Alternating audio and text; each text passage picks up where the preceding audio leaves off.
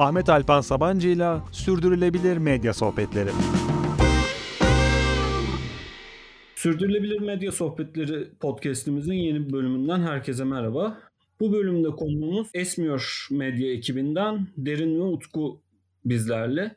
Esmiyor genellikle birçok insanın podcastleriyle daha tanıdığı veya gördüğü bir ekip olmasına rağmen bunun yanı sıra hem topluluk geliştirme anlamında hem de tasarım ajansı olarak çok farklı ve çeşitli işler yapıyorlar ve özellikle iklim krizi ve sürdürülebilirliğe odaklı bir yayın politikaları var. Bu yüzden de kendileriyle yalnızca medya alanında sürdürülebilirliği değil, sürdürülebilirliği daha da kapsamlı bir şekilde ele alacağımız özel bir bölüm yapmayı çok istiyordum. Bunu gerçekleştirebildiğimiz için de çok mutluyum. Derin Utku hoş geldiniz.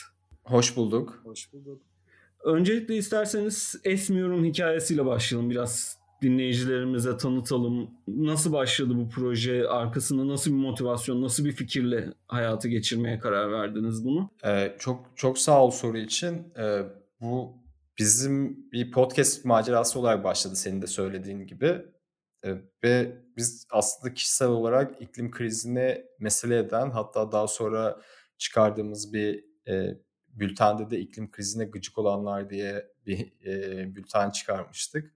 Yani şahsi bir meseleden başladı aslında. Hani iklim krizinin hayatımızı ne kadar etkileyebileceğine dair hatta böyle bir soruyla başladı yani bu kadar bu kadar büyük bir sorun bu gerçekten. Ee, niye dünyada ve Türkiye'de herkes her şeyi bırakıp bu konuyu konuşmuyor?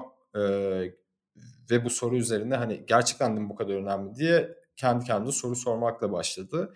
Bir yandan da hani iklim krizinin etkileri e, ve e, iklim kriziyle ilgili farkındalık yaratmak için ne çalışma yapabiliriz diye başka şeyler düşünüyorduk. Daha sonra da hani yayıncılığın e, aslında çok iyi, güçlü bir e, araç olabileceğini düşündük. E, ve hani e, derin yani biz böyle bir başka projelerimiz vardı. Derin dedi hani biz bir podcast mi yapsak acaba bununla ilgili? Hem e, yani tahmin edersin ki hani üretimi diğer medya mecralarına göre daha e, erişilebilir ve kolay e, podcast. Ama e, podcast'i yaparken de hani biz tabii ki bundan da iki sene oldu. Yani iki seneyi geçti. E, başlarken aklımızdaki soruları uzmanlara soralım e, şiarıyla çıkmıştık. O yüzden ve o da karşılık buldu açıkçası. Hani tabii şüphelerimiz de vardı hani bununla ilgili. E, yani zaten kimsenin konuşmak istemediği bir konu iklim krizi.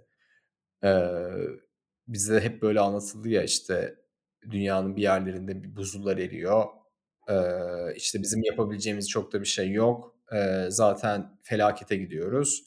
Ee, çok fazla hani aslında kendimizi kapattığımız bir konu oluyor bazen ya da işte e, hep derinin verdiği bir örnek vardı böyle e, yüz gözüne ışık tutulmuş tavşan gibi e, kalıyoruz yani o haberler karşısında.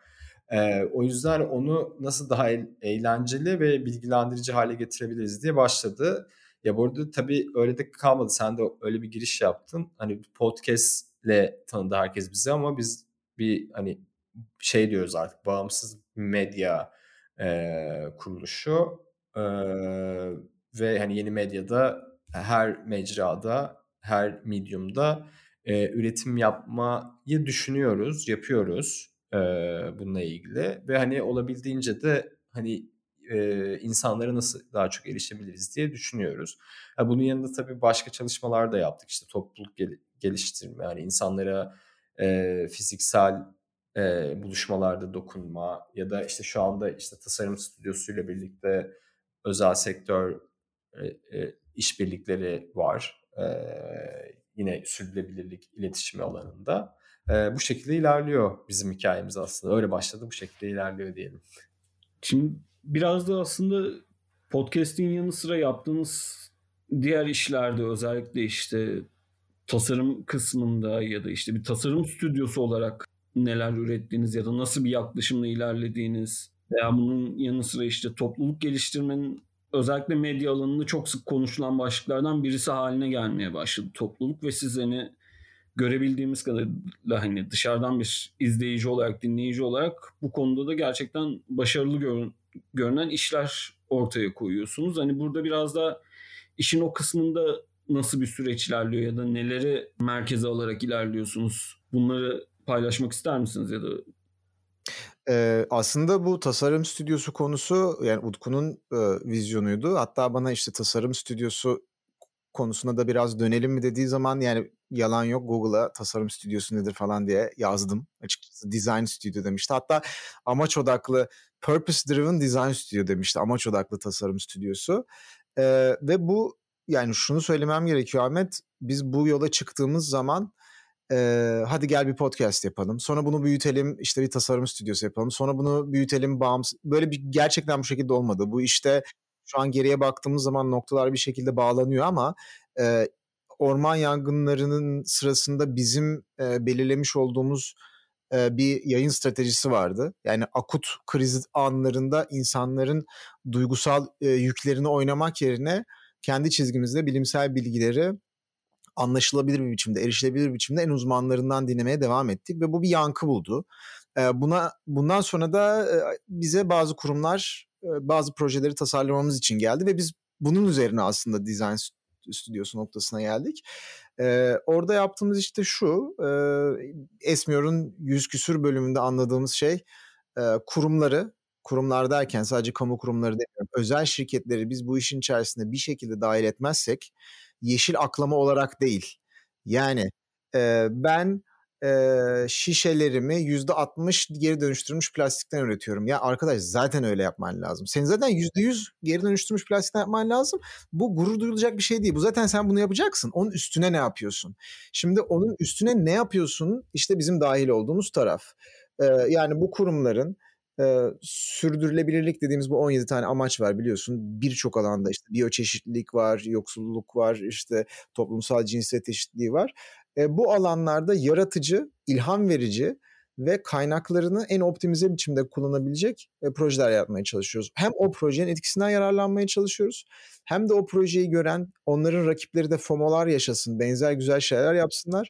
Müşterileri de e, bunlardan ilham alıp e, bu aksiyonlara katılsın. Bu konularda tamamen e, şirket özelinde veya kurum özelinde tamamen tasarlanmış. Bu arada bu sadece şirket olmak zorunda değil. STK'larla veya işte sizler gibi veya işte Teyit gibi veya Fine Studio gibi farklı veya Aposto gibi farklı medya kuruluşlarıyla da bunları yaptığımız oluyor. Amaç e, burada etkiyi çoklayabilmek, bir dönüşüm yaratabilmek, insanların kulağına da bir kar suyu kaçırmak. Bunu yaparken de değişeceksin, sen değişmezsen işte e, en küçük harcamanı yaptığın zaman sen dünyanın işte içine ettin, sen suçlusun diyerek değil, onları birazcık daha olumlu yerden bağlamaya çalışıyoruz. Çünkü biliyorsun bir insan bir iyilik yaptığı zaman iyilik ve kötülüğü artık stoacı bir biçimde yani genel kavramlarla yapıyorum.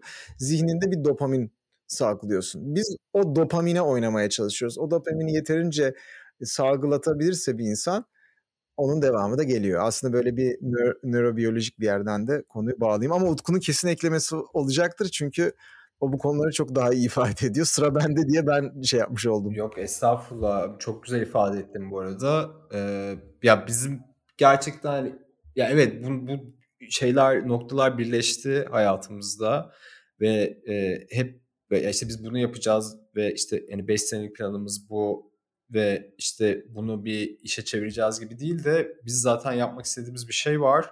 O da e, yani iklim krizi ve sürdürülebilirliği e, herkesin odağına taşıyabilmek. Herkes derken burada hukukçu kimliğimle hani her, işte hem gerçek hem tüzel kişileri de e, şey yaparak kapsayarak o onu yaparken bunu bunu nasıl yapabiliriz? Hani bunu nasıl yapabiliriz? Şu anda bu şekilde yapabiliyoruz. Belki bundan 5 sene sonra başka bir şekilde yapabileceğiz. O yüzden de ona göre e, belki başka şekilde şekilleneceğiz. E, o, o, o önemliydi ve çok yani birbirine de çok katkısı oldu. Hani medyada yaptığımız yayınların e, diğer yaptığımız projelere, diğer projelerin de medyadaki e, söylemek istediklerimize. Yani bu özellikle çok hani bunu bu şekilde geliştiğini duymak ayrıca böyle bir ilgimi çekti. Çünkü çoğu zaman özellikle medya odaklı ya da medya temelli başlayan girişimler ya da projeler kendilerini çok kısıtlayabiliyorlar ve yani stratejilerini, ileriye dönük planlarını sadece o alanda kalmak zorundaymış gibi tasarlayıp bu sefer kendi potansiyellerinin önüne geçebiliyorlar. Sizin bu anlamda esnek olmanız ve hani bu aklınıza gelen yeni fırsatları değerlendirebileceğiniz bir ortam kurmuş olmanız aslında çok önemli bir avantaj olmuş sizin için de bu. Çünkü başka kurumlar için belki böyle bir fikir akıllarına gelse bile kurulma şekillerinden, temeli atma şekillerinden dolayı bunu yapamayabiliyorlar. İkincisi şey derinin özellikle hani daha olumludan yaklaşma, dopamine oynama fikri hani sanki günümüzün dijital medyası, yeni medya yaklaşımının tam tersine oynuyormuşsunuz hissini de yaratıyor. Çünkü günümüzde sosyal medyaya baktığımız zaman, oradaki dinamiklere baktığımız zaman özellikle Twitter gibi platformlarda büyümenin yolu ya da işte öne çıkmanın, dikkat çekmenin, etkileşim almanın yolu negatif oynamak, öfke yaratmak, tepki yaratmakmış gibi bir şey varken sizin özellikle böyle bir pozitif odaklı bir yaklaşımla bunları büyütebilmiş ve bu noktaya gelebilmiş olmanız bence hani kesinlikle geri kalan herkesin de bir oturup üzerinde düşünmesi ve hani belki de örnek alması gereken bir hikaye bana kalırsa. Derin sen bir şey ekleyeceksin galiba. Ya şöyle bizim Utku ile şöyle bir şansımız oldu. 100 bölüm kaydettik. Biz burada 100 farklı uzmanla bunun içerisinde NASA'da çalışan astrobiyologlardan tutun e, yosunlardan enerji üretmeye çalışan bilim insanlarıyla konuşma fırsatımız oldu. Bu da şunu aslında bize gösterdi. Dünya gerçekten e, veya yani şu 80 yıllık hayatta çevrene baktığın zaman gördüğün şeyler bile o kadar insanı meraklandırıyor ve güzel bir noktaya getiriyor ki bizim aslında bizi zorlayan şeylerden bir tanesi de sadece o e, korku dolu cümleleri kullanmamak değil çünkü artık zaten onlar clickbait bile olmuyor. Ama işte bu don't look up hikayesini falan hani yukarı bakma hikayesi ama e, iklim ve çevre alanında madalyonun diğer bir yüzü de var. Yani biz doğayı yani Utku ile bunu çok uzun uzun tartıştık böyle kitabi felsefi yerlerden de doğayı olağanüstü biçimde romantize etmeye meyilliyiz. Ama doğa bizim düşündüğümüz kadar romantik bir yer de değil. Şimdi biz o gerçekleri anlatmaya çalıştığımız zaman da bazen zorlanıyoruz. Örneğin geçen haftalarda bir makale çıktı. İşte domatesler ağlıyor. İşte tomatoes cry gibi bir şey yazıyor. Domatesler ağlıyor kesildiği zaman. Şimdi ağlamak e, yani biz bu bitki yani Şimdi bize de yazmışlar işte. Bir kere çok insan merkezli bir bakış açısı. Aynen çok insan merkezli bir bakış açısı ve bize soruyorlar domatesler hissedebiliyor mu? Abi hissedemiyor. Nereden biliyorsunuz? Çünkü yani merkezi sinir sistemi yok. Yani hissetmek dediğimiz şey vücudunun belli noktasında almış olduğun sinyalleri beynine iletebilecek bir sinyal sistemin olması lazım. Bu yoksa hissedemiyorsun. Tabii ki de yani tabii ki de taşa bile taş attığın zaman nasıl bir ses çıkıyorsa veya bir tepki verebiliyorsa şimdi Newton'un 500 yıl önce yazmış olduğu kurallara baktığın zaman senin orada vermiş olduğun etkinin bir tepkisi zaten biyolojik olarak ve kimyasal olarak oluyor. Ama mesela biz şimdi bu algıyı nasıl anlatabiliriz? Şimdi bu algı dünyaya bir bakış açısı olarak çok çok çok çok önemli. Ee, dünya çünkü e, doğayı romantize ettiğimiz zaman doğanın yaratmış olduğu o aş, aşırı güçlü felaketlere karşı da bir kalp kırıklığı yaşıyoruz. Ama bunu yaşamamız lazım. İklime bağlayacağım şu anda. Ee, biz eğer doğaya e, belli gaz salımlarında bulunursak bunun karşısında doğadan romantik bir tepki beklemememiz lazım. Zaten bilimsel olarak nelere neler yaşanacağını biliyoruz. Bunun karşısında yaşadığımız çaresizlik de orman yangınlarında da daha farklı farklı jeolojik felaketlerde de bu oluyor. Yani arkadaş doğaya karşı sen ne kadar kendini kudretli olarak da görsen Mars'a da gidiyorsan çok özür dilerim ama 8'lik bir depremde veya işte 5. veya 6. düzey bir kasırgada yapabileceğin şey oldukça kısıtlı. Bunu da kendimiz yani bizim doğayla olan ilişkimizdeki o muazzam kopmayı bir şekilde birleştirmeye çalışıyoruz ama bu da çok zor. Bir de ben şeyi değinmek istiyorum. Yani bu gerçeklik e, algısı yani ve bizim gerçekten bilimsel veriyi e, insanların biraz da e, tüketebileceği şekilde verebiliyor olmamız yani aslında biz bunu şey değil yani bu e, biz verebiliyoruz sadece değil bu bir yöntem aslında. Hani ve Türkiye'de de çok güzel bilim iletişimcileri de var bu konuda başka çalışan ve bunlar da hani gerçekten de bağımsız yerlerden çıkması da çok ilginç bu arada. Hani Türkiye'nin o kadar e, şöyle söyleyeyim hani keldi feldi kurumlarından e, şeylerinden değil de hani bayağı bağımsız işte mesela evrim ağacına örnek verebiliriz. İşte diğer bir sürü başka kanalı örnek verebiliriz. Demek ki bunun bir şeyi var, alıcısı var yani. Hani şey düşünebiliriz yani işte e, daha e, bilimden gerçekten kopuk, kopuk e, bilgiler, şeyler çok hızlı yayılıyor internette ve daha çok alıcısını buluyor deyip boşlayabiliriz ama bence gerçekten de bir alıcısı var. Ben bunu şey şu anda güncel bir şeyden örnek vermek istiyorum. Mesela Kızılcık Şerbeti e, dizisi. Yani hani şimdi tartışılıyor herkes şu anda girdiğiniz her ortamda Kızılcık Şerbeti konuşuluyor. Şimdi e, milyon dolarlık bir dizi endüstrisi var orada ve çok büyük yapımlar yapılıyor. Bütün o para harcanan yapımların niye önüne geçti Kızılcık Şerbeti? Çünkü çok gerçek bir hikayeyi anlatıyor. Ee, her ne kadar kendi içinde bazı e, yani formattan kaynaklı durumları olsa da o gerçek hikayeyi anlattığı için aşırı alıcısı buluyor. Ben ben de o yüzden esmiyorum ya da diğer bilim iletişimcilerin yaptığı şeyde de hani biz gerçeği olduğu gibi ve güzel bir e, hikaye anlatıcılığıyla anlatırsak bunun gerçekten alıcısı olduğunu e, düşünüyorum. E, o, o da yer buluyor yani aslında. Ki aslında hani ben burada birazcık şeyden kişisel tecrübeden ek yapmak istiyorum. Bu bilimin özellikle de daha popüler ya da erişilebilir bilim yayıncılığının alıcısının olmayacağı iddiası çok daha güncel bir şey Türkiye açısından bakacak olursak. Çünkü hani ben kendi hani çocukluğuma falan döneceğim doğrudan. İşte TÜBİTAK'ın popüler bilim kitapları olsun, bilim teknik, bilim çocuk yayınları olsun. Ekmek gibi yani ekmek su gibi satıyordu net bir şekilde. Hala benim kitaplığımda bir sürü kitapları var ve hani ne zaman işte onların bütçeleri kesilmeye başladı, onlar ortadan kaybolmaya başladı ve hani sosyal politik iklim değişmeye başladı bilim yayıncılığına karşı da sanki bir ilgi yokmuş ya da bir ihtiyaç yokmuş, insanlar bunu istemiyormuş gibi bir şey başladı, argüman ortaya çıkmaya başladı. Oysa hani oradan birazcık geriye dönüp baktığımızda o kitapların, dergilerin nasıl sattığını hani gayet güzel görüyorduk. Yani bilim tekniği, bilim çocuğu neredeyse her gazete bayinde bulabiliyordun. Hani illaki bir dergiye ya da bir kitap evine falan gitmene gerek yoktu. Ve satıyordu bunlar çok net bir şekilde. Aynısı o kitaplar için de geçerli. Yani sizin işte Evrim Ağacı'yla olsun, sizin gibi yayınlar olsun aslında biraz daha bu argümanın altının ne kadar boş olduğunu da gösteriyor bana kalırsa. Bu argümana ilişkin yani bu konuyu kapatmak için ya çok üst üste şey yaptık ama önemli bir konu. Bu argümana ilişkin e, dün YouTube'un derinliklerinde e, takılmışken e, bir astrofizikçiyle e, konuşuyorlardı. Ve astrofizikçinin söylediği de şuydu aslında bilim iletişimi yaptıkça ve bunu gerçekten dünyada yani çok tanınmış, saygıdeğer bazıları işte ödüller kazanmış astrofizikçiler, fizikçiler ve matematikçiler de yapıyor. Hı hı. Ee, bilim iletişimi yani topluluğa bunu anlatabilecek öğeleri ve kabiliyeti kazandıkça aslında şunu gördüler ki bu insanlar topluluktan muazzam bir talep var. Yani Hı. bakıyorsunuz işte şey dark enerji ile ilgili mesela video var 22 milyon kişi izlemiş. Yani aslında İngilizce tabii ki. Yani ve altyazıları falan filan da var ama yani hitap ettiği kitle çok büyük bir kitle ama var. Yani evrim ağacına bakıyorsunuz.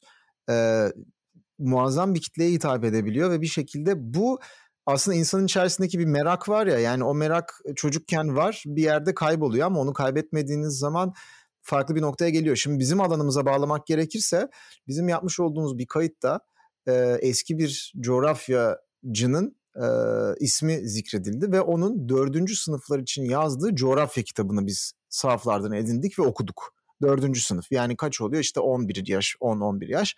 Şu anda maalesef dördüncü sınıflarda coğrafya diye bir ders yok. Ee, Sırrı Erinç'in kitabı ee, şey Murat Türkeş hocayla konuşuyorduk. Bu arada Koyu Kahve diye de biz başka bir e, podcast serisi yaptık böyle mini bir podcast serisi. Enerji e, üretim bir küçük bir desteği oldu. Bir 4-5 tane hocamızla. O da çok keyifli, daha uzun bir format. Böyle kahve eşliğinde. Orada yapmıştık ve yani Murat biz tanımıyorduk. Murat Türkiye Hoca söylemişti. Ee, Sırrı Erinç diye bir hocamız var diye ve o da mesela çok ilgi çekti. Onu da mesela içerikleştirdik hani böyle bir şey olduğunu. Ama sen kitapla ilgili ne diyecektin Derin? Ha ya şey diyecektim yani kitabın baştan okuduğun zaman belki geçmişteki böyle hani nostaljik bir yerden de yaklaşmak istemiyorum ama eğitim sisteminde ezbere dayalı olması, sınava dayalı olmasının yaratmış olduğu yıkımın ve erozyonun ne olduğunu anlatmak için söylüyorum. O dördüncü sınıf kitabı tamamen bir çocuğa hitaben yazılmış. Yani böyle konuşma gibi zaten. Yani çocuklar şimdi şunu öğreneceğiz gibi ve e, kendi yaşadıkları yerin, işte toprakların, ülkenin, e, bölgenin, e, jeolojik plakanın ve dünyanın ne kadar heyecan verici bir yer olduğunu üzerinden gidiyor kitap. Ve kitabın amacı şu, öyle zaten yazıyor. Siz bu kitabı okumadığınız zamanda da doğaya da giderken bir dağ gördüğünüz zaman, bir tepe gördüğünüz zaman merak edip araştırabilin. Ee, gerçekten de yani şey insan biraz kalbi bur- burkuluyor bu arada. Tabii ki de e, şey çok basit olarak anlatılmış ama tamamen o merakın bir insanın içerisinde e, doğuştan olduğunu düşündüğümüz o merakın devam edebilmesi üzerine kurulu.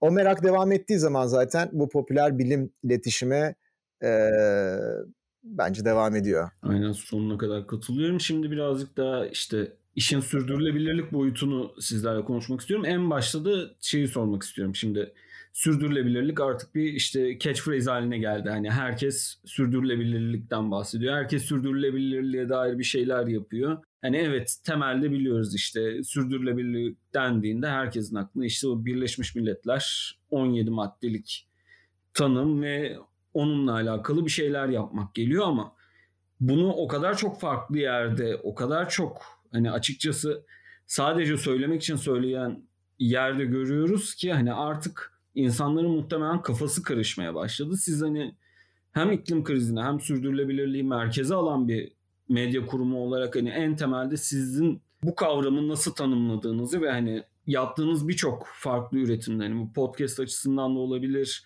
diğer tasarım stüdyosundan çıkan işlerde de olabilir. Bu sürdürülebilirlik tanımını nasıl uygulamaya koyduğunuzu merak ediyorum. Biraz da bunun üzerine konuşalım isterim.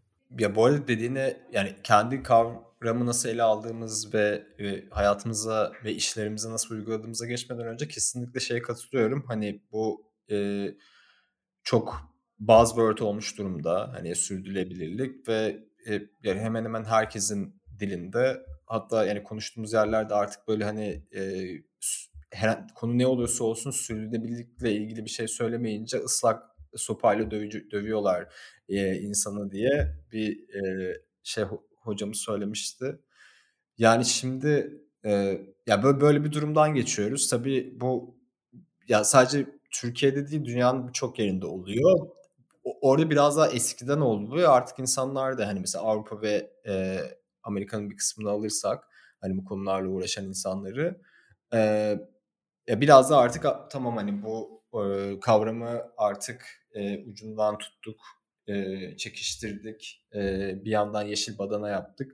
Hani bundan çıkalım ve gerçek e, aksiyonlara e, bakalım noktasına geldi herkes. Bununla ilişkin tabii ki çok ciddi bir regülasyon meselesi de var e, Avrupa Birliği tarafında. E, çok ciddi adımlar atılıyor. İşte Paris Anlaşması meselesinde çok ciddi adımlar atılıyor. Şimdi bence iki kısım var. Bir, biz buradaki bütün e, şeylere, e, çabalara, yani bu regülatif çabalara, politika değişiklikleri üstten geldiği geldiği düşünülse de aslında hani temeli olan ve yıllardır insanların mücadelesini verdiği ve kazanımların kesinlikle desteklenmesi gerektiğini düşünüyoruz. İşte Paris Anlaşması'nı biliyorsunuz Amerika e, Birleşik Devletleri çıkmıştı, sonra tekrar girdi.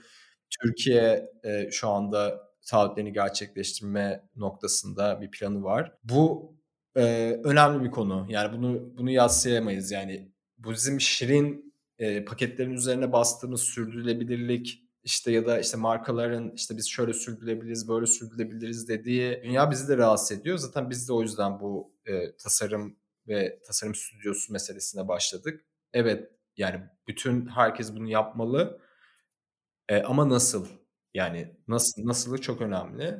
E, ve bu yani kendi hayatımıza eksenini aldığımız bu yapıyı e, işte danışmanlık verdiğimiz e, markalara, firmalara da e, götürmeye çalışıyoruz aslında.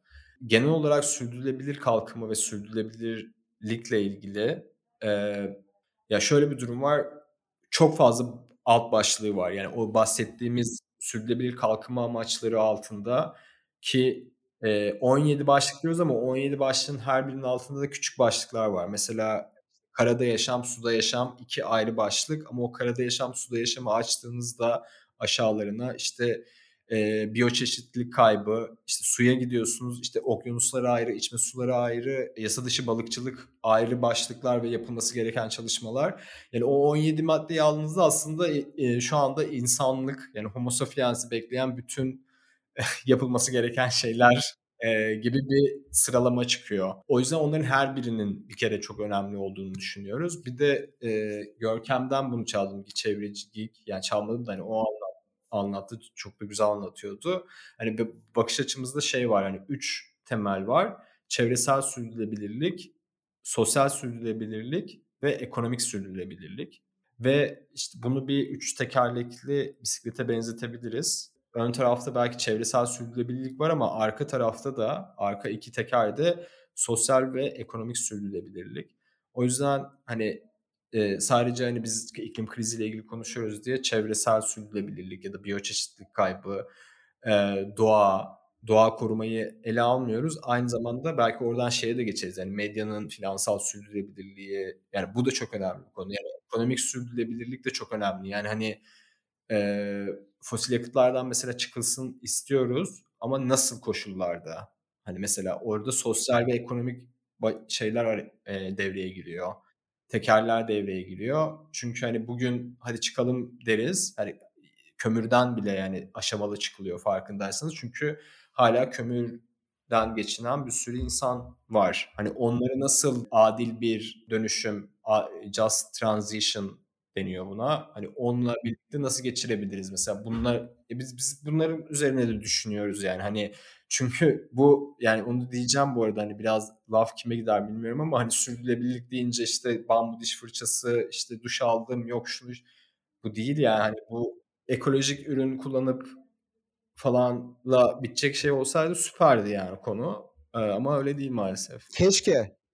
Herkesten çok mutlu olurduk. Biz gerçekten. Yani öyle olsaydı şu an çoktan hani çözmüştük. Hiç hiçbirini düşünmüyorduk bile.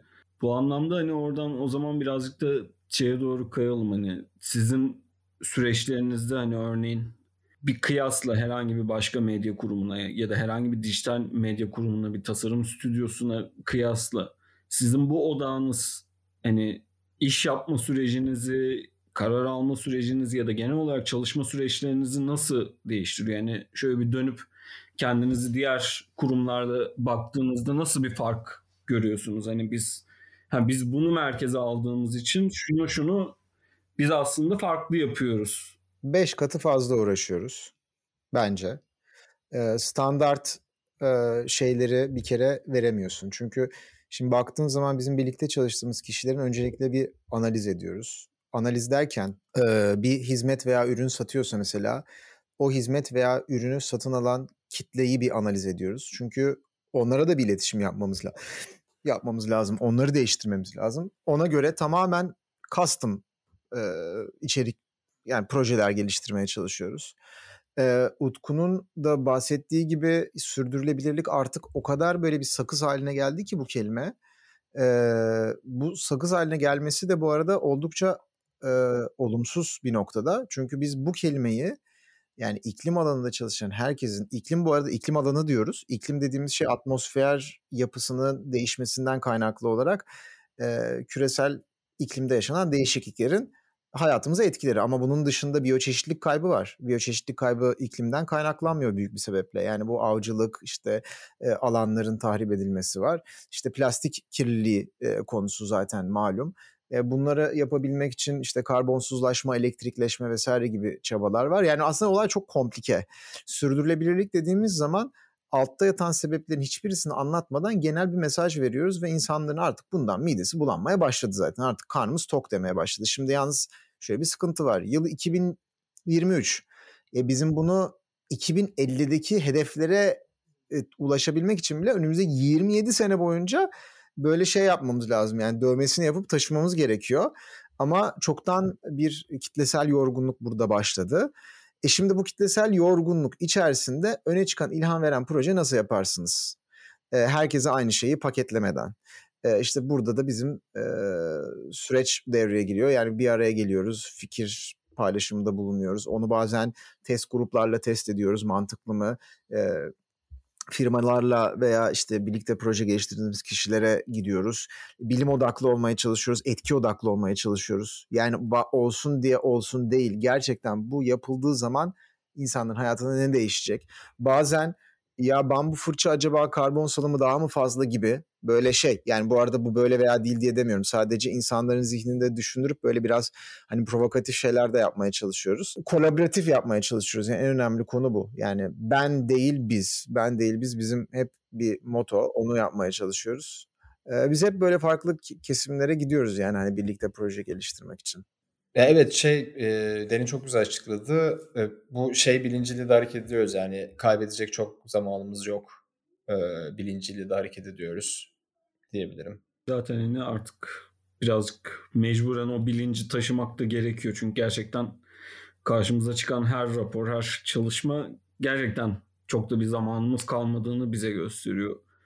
Bu anlamda keşke birazcık daha hani Derin'in bahsettiği o yorgunluğun önüne geçebilseydik ama maalesef orada da bambaşka dinamikler devreye girdi. insanları yordu. Özellikle de yani burada ben birazcık biraz da ben kişisel olarak yakınım bu durumda. Özellikle daha şirketler veya özel kurumlar bazında tüketiciye her şeyi yükleme ya da normal insanlara her şeyi yükleme ve bunun aşırı popülerleşmesi aslında bu yorgunluğun en büyük sebeplerinden birisi oldu. Yani ancak ne zaman işte sizin gibi işte dünyada farklı farklı işte örnek verebileceğimiz farklı yayınların ve işte bu konuya daha açık bir kafayla bakan işlerin devreye girmesiyle insanlar bunun aslında öyle olmadığının farkına varmaya başlıyor.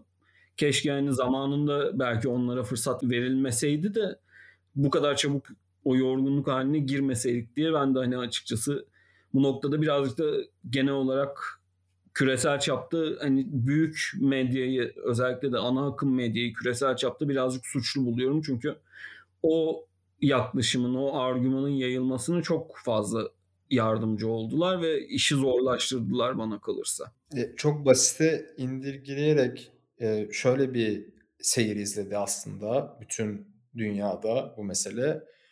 İlk önce iklim krizi diye bir şey yok. Ya da hani gizlenmeye çalışıldı ya da işte e, ya böyle bir periyot yaşadık. Sonra iklim krizi diye bir şey var ama insan kaynaklı değil diye bir e, periyot yaşadık. Hani buna ilişkin yayınlar ve hani buna ilişkin bir belki söylem gelişti.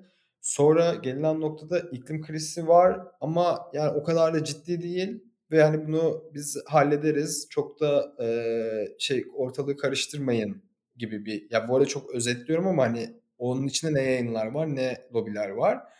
Son gelinen aşamada işte onu diyoruz aslında ve herkes de diyor. Hani şey propagandası yapılmaya başlandı aslında şu anda çok ince ince. Ee, evet iklim krizi var ama e, çok geç her şey için. Yani o yüzden de çok da şey yapmayın gibi bir durumla karşılaşıldı. Ve bunun yanında da işte iklim krizi var ama hani senin sorumluluğun ne gibi bir sos da eklenince e, insanlar da hani benim yaptığım duşta mı? Benim e, işte yılda 4-5 kere bindiğim uçakla mı oluyor bu? E, yeter artık noktasına geldi ve gerçekten de onunla olmuyor olmuyor ve e, yani bireysel aksiyonlarla yani şirketlerin ve politikacıların alması gereken politika kararları arasında sanki şey var böyle bir savaş var gibi böyle. Hani ya bunu yapacaksın ya, ya bu tarafı işte hiçbir şey yapmayıp bu tarafı savunacaksın ya da e, işte tamamen böyle aktivist olup bireysel çabalarla ilgili bir şey yapmana gerek yok gibi bir durum oluştu. Ama Derin sen ne düşünüyorsun? Böyle bir savaş var yani ortada. Abi bu ya şöyle Savaş ben bir tane soru. Yoruyor değil mi? Yani çok çok yoruyor. Yani insanları da çok yoruyor. Zaten e, 2000'lerin başında Ahmet bu arada bu e, BP'nin e, gerçekleştirdiği bir kampanyayla Ogilvy'ye vermiş olduğu yüzlerce milyon dolar. Bu arada bu bir komplo değil. Yani açık saçık kendilerinde söylediği bir bilgi. Kampanyanın ismi e, karbon ayak izi nedir? Karbon ayak izi terimini bilimsel akademik alandaki orada ekolojik ayak izi olarak gidiyor. E, ekoloji bilimsel çalışmalardan alıp hepimizin gündemine sokan bu. Bu arada tabii ki de hepimiz sınırlı kaynaklar olduğunu bilerek israf etmemek üzerine hayatımızı devam ettirmemiz tabii ki de gerekiyor. Yani hani suyu açıp altında 20 dakika duş yapın zaten demiyorum. Zaten bir insan 4 dakika yapıyordur, 2,5 yapar. Yani hani bu zaten e, 40 dakika banyo yapacak ha- halin yok altında suyu açarak e, devam edecek halin yok. Oradan elde ettiğin tasarruf bu banyo üzerinden mesela gidelim. Bizim Türkiye'de e, Atatürk Barajı'ndan yılda buharlaşan sudan daha az.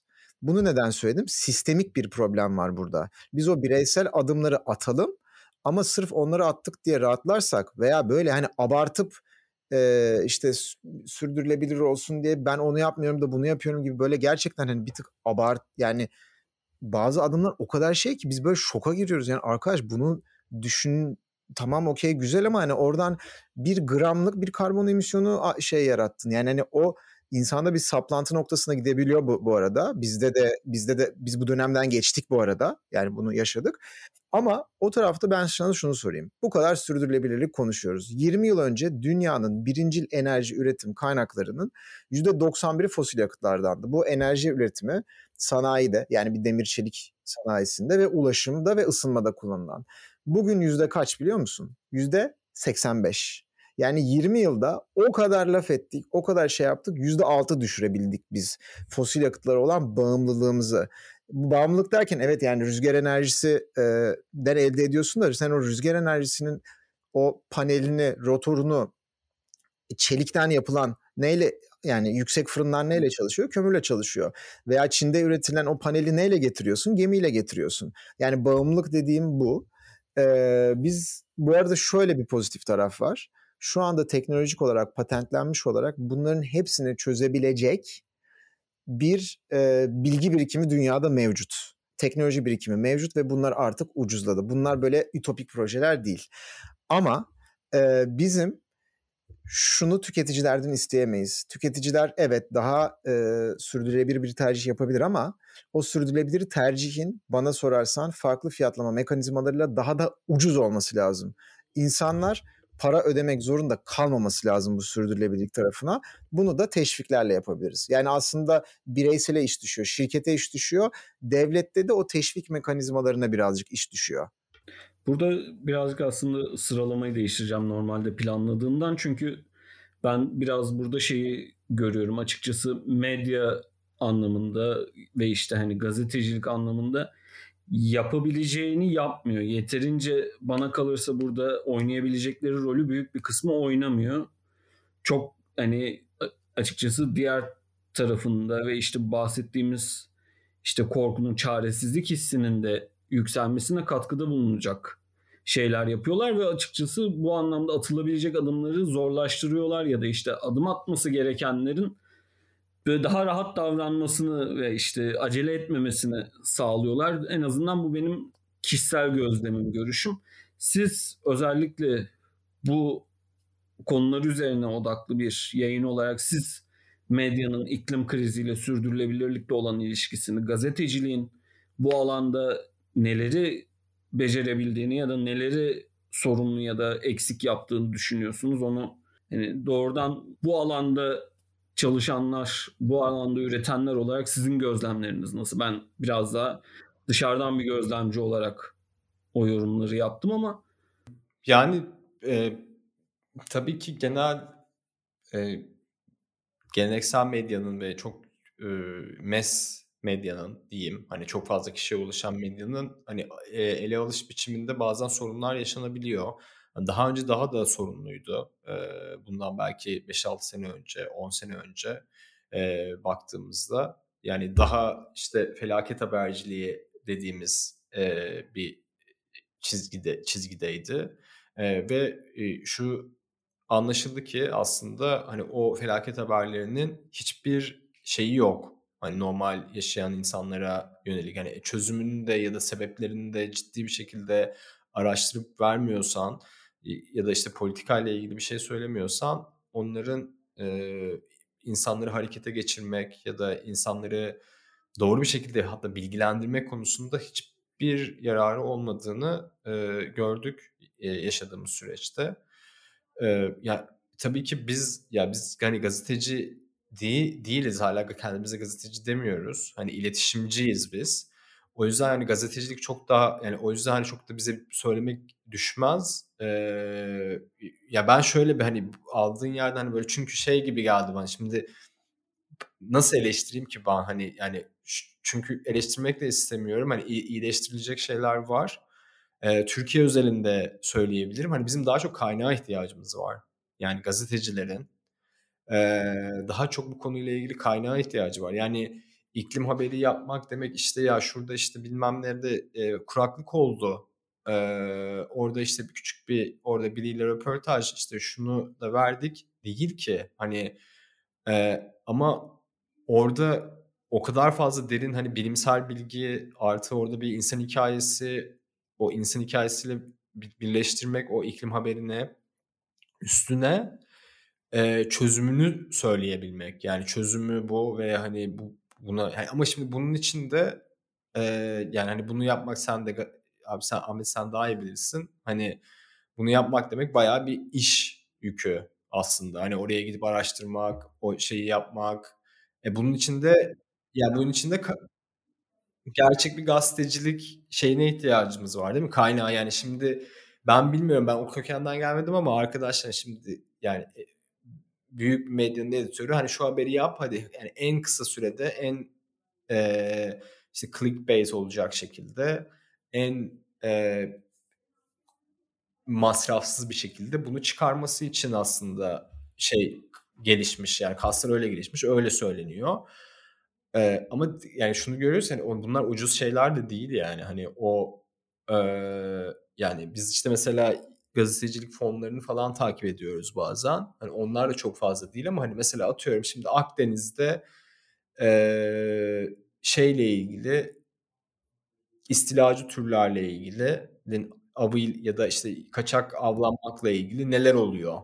Yani şimdi ben bunu Google'dan araştırıp iletişimini yaparım ama hani bunun bir gazeteciliğini yapmaya kalk, kalkmak demek e, belki hani ay, aylarca bir çalışmayı gerektirir yani hani e, yani aylarca olması da hani böyle bir ay falan hani bunun üzerinde araştırıp hani nereden kim nereden ne yapıyor.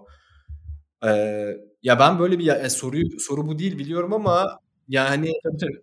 Yok yok aslında dediğin şey şu şekilde doğru. Ben hani burada zaten hani sorunumuz benim gözlemlediğim sorun da zaten hani gazetecilerin kendisiyle alakalı değil. Zaten hani bu alanda çalışmak isteyen gazeteci illaki var kendini geliştirmek isteyen, üretmek isteyen ama senin de verdiğin örnekler hani aslında kurumsal sorunlar, sektörün hani kendisinde olan sorunlar. Bu tarz araştırma haberlerinin özellikle de işte iklim vesaire konusunda genel olarak kaynak ayırmamayı alışkanlık haline getirmiş durumdalar. Yani bu tarz uzun soluklu haber algısının yitirilmiş olması ki yani aslında sen de tam olarak onu değil. O anlamda hani şey olarak değil bir de ne olursa olsun ben hani o konuda hani ben de doğrudan yani gazeteci kökenli birisi değilim ya da işte gazeteci değilim aslında o şekilde baktığımız zaman ama sektörün o anlamda işte medya sektörünün gazetecilik olsun, başka alanlar olsun, diğer türlü üretimler olsun bu anlamda birbirinin dinleyip konuşup geliştirmesi gerektiğini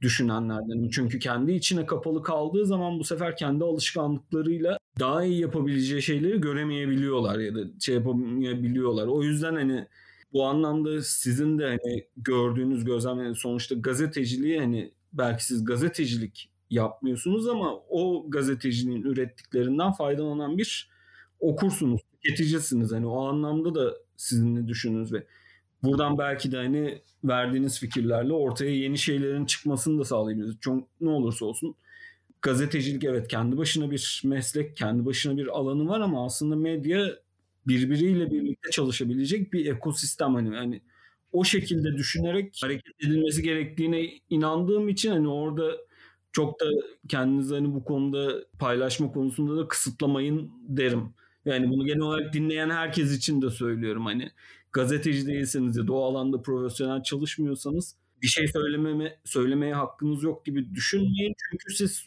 okur tüketici olarak da hani yol gösterebilirsiniz, yardımcı olabilirsiniz o insanlara. Şöyle yani burada aslında bu konunun rolünün ne kadar önemli olduğu hakkında biz kendi aramızda tartışırken şu sonuca varmıştık.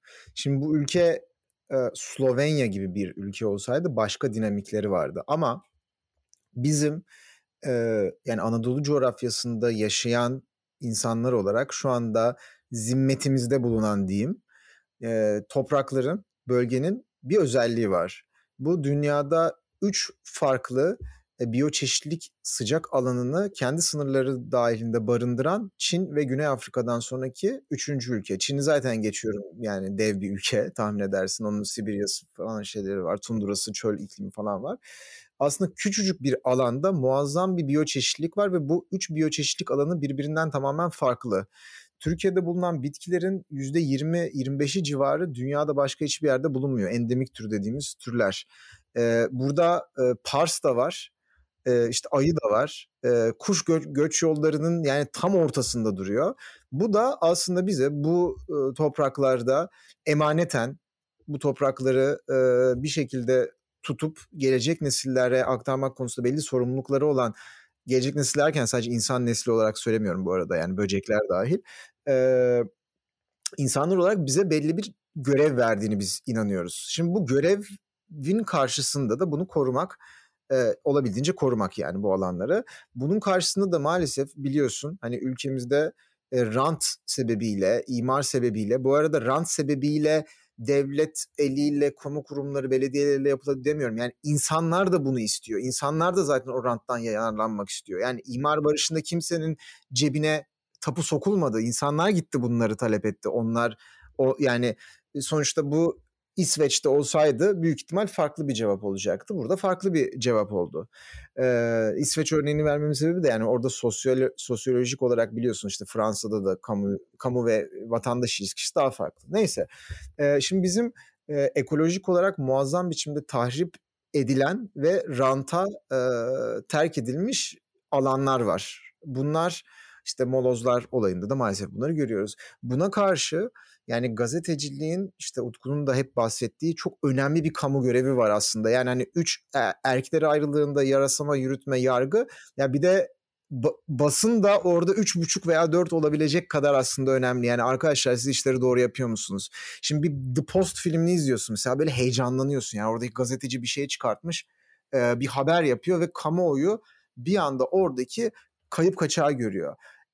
bizim de bu arada maalesef bu vurgunları e, yani en ince detayına kadar inceleyecek hani Utku'nun dediği aylarca gerekirse o dosyaya hazırlayacak kaynakları şey yapacak gü- güvenilir gazetecilere ihtiyacımız var ki Türkiye'de araştırmacı gazetecilik geçmişi ve kültürü de var.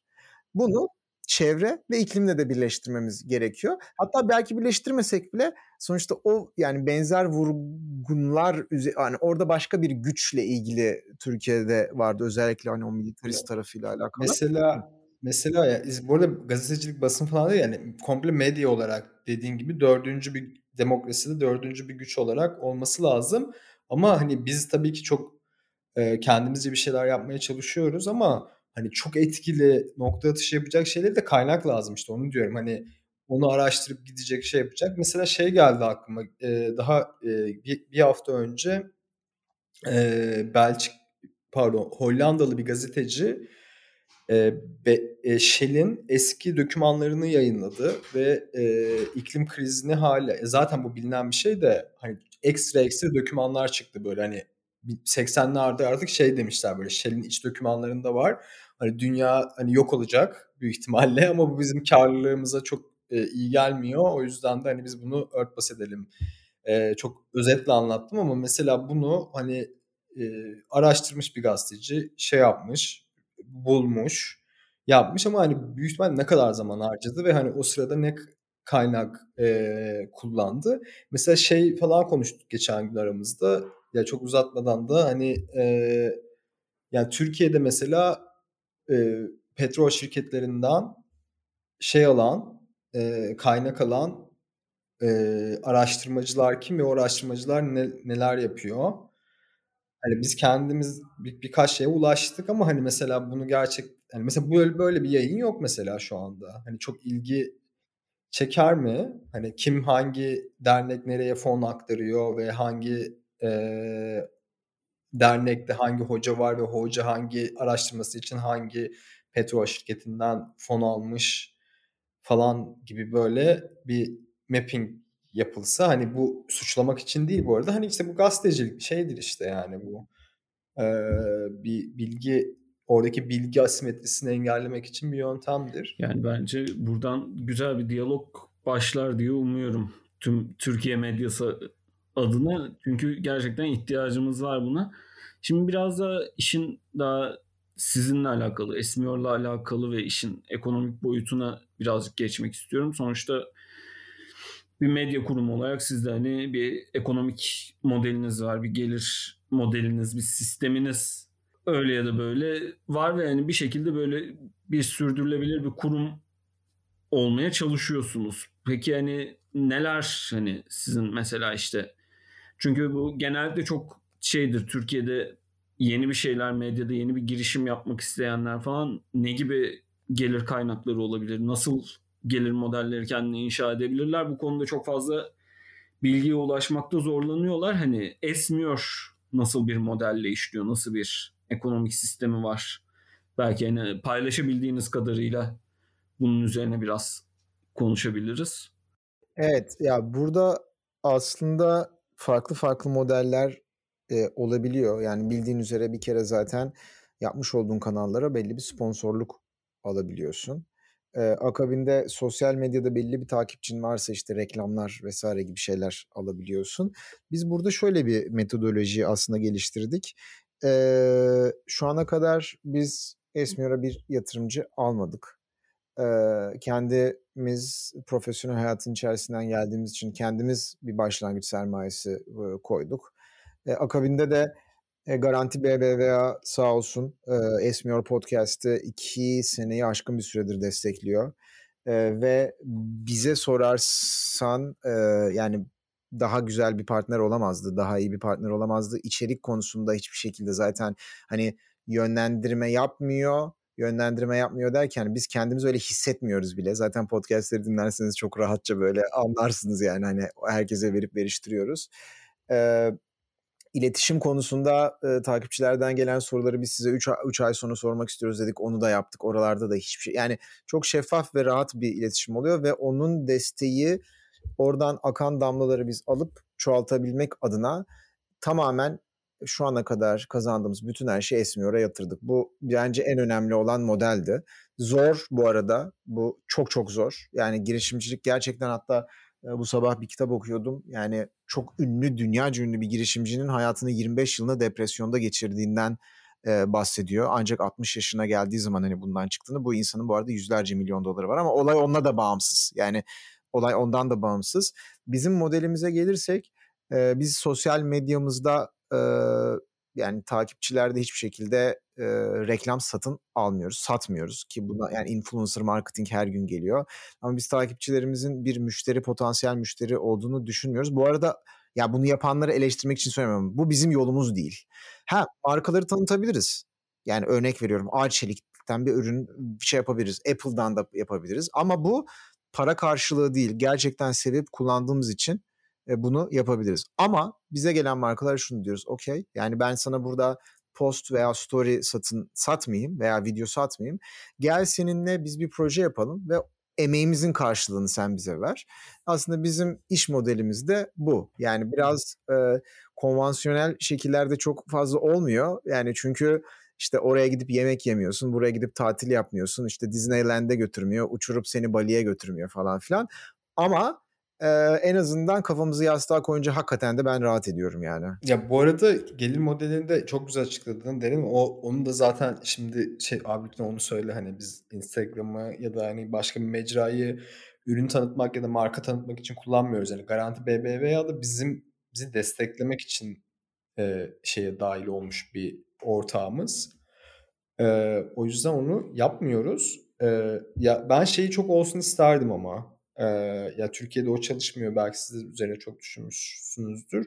Takipçilerin ya da işte okuyucuların, dinleyicilerin desteğiyle devam edebilecek bir yapı e, olsun. Birçok insan denedi bağımsız e, yayıncı.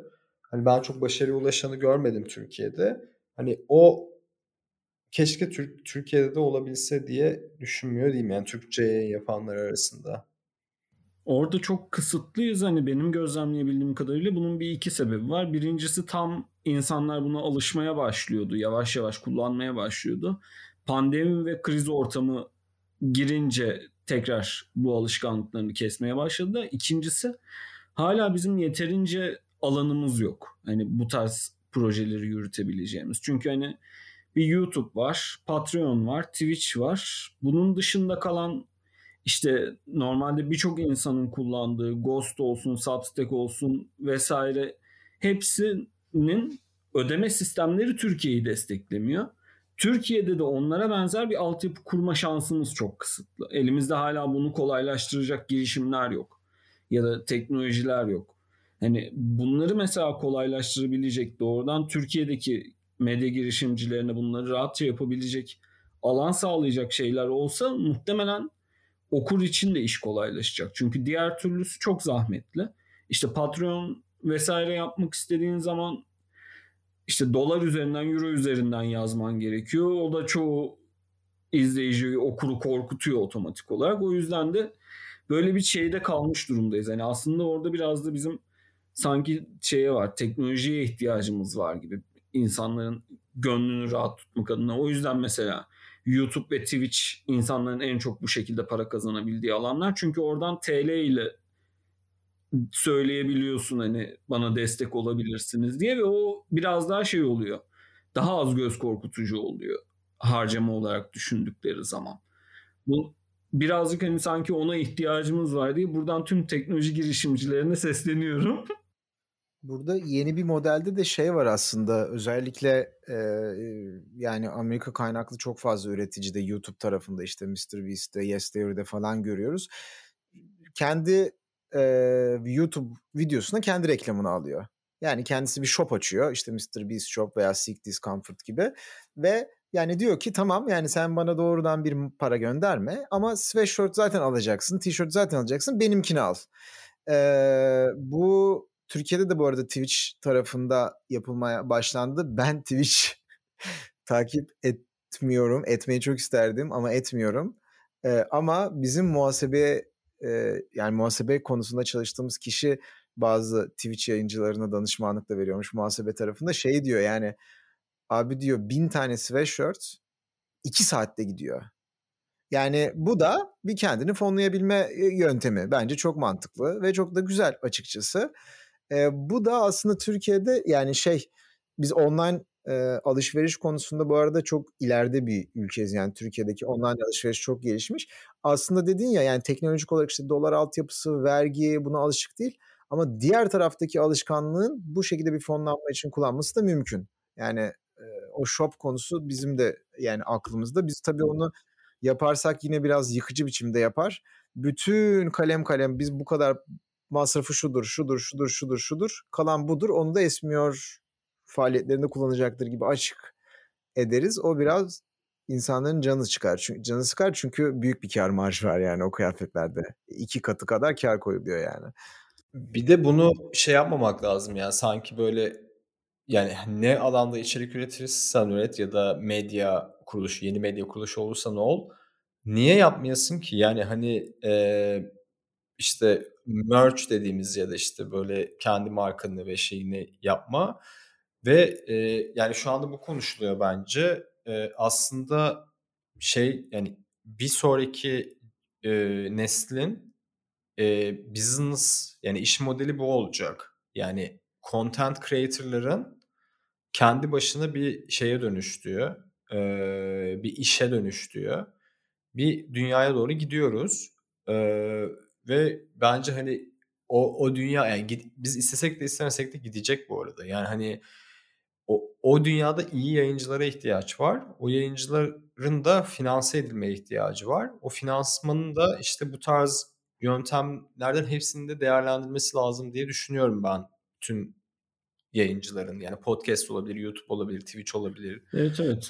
O konuda kesinlikle daha açık olmak gerekiyor. Farklı ihtimallere, farklı senaryolara çok kendinizi kısıtladığınız zaman bu sefer seçenekler iyice daralıyor ve aynı şeyleri sürekli yapmak zorunda ve aynı zorlukları sürekli yaşamak zorunda kalıyorsunuz. Hani orada şey kesinlikle alışveriş ilginç ve yani etkili sonuçlar verebilecek yollardan bir tanesi merch işi. Peki böyle şey yapmışken sizden şimdi böyle fikirler falan geliyorken Esmiyor ne yapacak? Yakın dönemde ne var? Planlar var mı? Projeler? Böyle ilk kez seninle duyuruyoruz diyeceğiniz bir sürpriz ya da daha hepsi şu an hazırlık aşamasında biraz daha zamanı var şeklinde mi gidiyorsunuz? Abi çok proje var, çok plan var. Yani neredeyse yani gerçekten her gün yani fikir üretmeyi de seven insanlar olduğumuz için ve işin en eğlenceli kısmı o fikri üretmek ya. Her bir araya gel yani bizim gerçekten hani böyle şey bizim e, çete bir girip bak gece birde falan hani aklına gelen rüyasında gören proje yazıyor. Şu anda galiba böyle söyleyebileceğim böyle hani en sıkıştığımız bir şey yok galiba değil mi Utku? Ya yok ama işte o listemiz uzun. Hani e, kendimizi de böyle enerjimizi bitirmeden onlara kaynak bulup hani e, uygulayabilecek noktalara gelmek istiyoruz. E, çünkü e, ya inandığımız da şeyler dediğimiz gibi hani biz böyle işte e, hadi kaynak bulduk iki toplantı yapalım iki şey yapalım böyle bir, bir şey yapalım bitsin gitsince bir insanlar değiliz. Hani gerçekten inandığımız projeleri böyle hayata geçirip etki yaratmasını istiyoruz. O yüzden hani şey yani pipeline diyorlar ya orada var bir sürü şey. Ee, ama dediğimiz gibi hani onların hangisi olacak hangisi olmayacak tamamen gidişata da bağlı her şey. Yani işte hangisine kaynak bulacağız, hangisi doğru yer, doğru zaman e, ona göre belirlenecek. Bakalım o zaman dinleyicilerimize takipte kalsınlar. Her an yeni bir şeyler gelebilir diye mesaj verelim. Evet tabii. Ya ve hatta hani dahil olmak isteyecekleri projelerde olabilir. Hani bizim bir gönüllü grubumuz da var. Onları da buradan selam iletelim. Hani çok böyle soft bir gönüllü grubu. Hani şey zamanların çok az kısmını hani bize e, ayırıyorlar ama çok etkili bir şekilde ayırıyorlar. O anlamda da hani evet bu tarz e, manalı projelerde çalışacak gönüllülere de ihtiyacımız var. Yani sadece tek yönlü bir takip değil hani iletişime geçmekten de çekinmesin kimse gerekli her türlü iletişim özellikle de gönüllülükle ilgili olanları ben zaten podcast'in açıklama kısmına eklemiş olurum merak edenler için ya da ilgilenenler için. Yavaş yavaş sonuna geldik bölümümüzün. Var mı eklemek istediğiniz bir şey son olarak veya vermek istediğiniz bir mesaj? Ee, çok teşekkürler Ahmet davet ettiğin için. Benim de mesaj yok ama şeyi düşünüyorum gerçekten yani üretmek isteyen ve kendi hani medya alanında devam etmek isteyen e, herkes e, devam etsin. Yani ihtiyacımız var. Hani ka- kaliteli içeriğe ihtiyacımız olacak önümüzdeki yıllarda. O yüzden e, ve bunu yaparken de ilk önce kendi e, sürdürülebilir bugünün konusu olarak kendi sürdürülebilirliklerini de düşünsünler e, diyorum. Çok teşekkürler. Ben de katıldığınız için çok teşekkür ederim. Çok keyifli bir sohbet oldu benim için de. Bu bölümümüzün de sonuna geldik. Dinleyen herkese çok teşekkür ederiz. Sürdürülebilir medya sohbetleri yeni bölümleriyle devam edecek. Takip etmek için kullandığınız her türlü podcast uygulamasından Newslab Turkey diye arama yapmanız yeterli. Bir sonraki bölümde görüşmek üzere. Kendinize iyi bakın. Hoşçakalın. Bu podcast Almanya Federal Cumhuriyeti Büyükelçiliği desteğiyle gerçekleştirilen haber odalarında liderlik programı kapsamında yayınlanmıştır.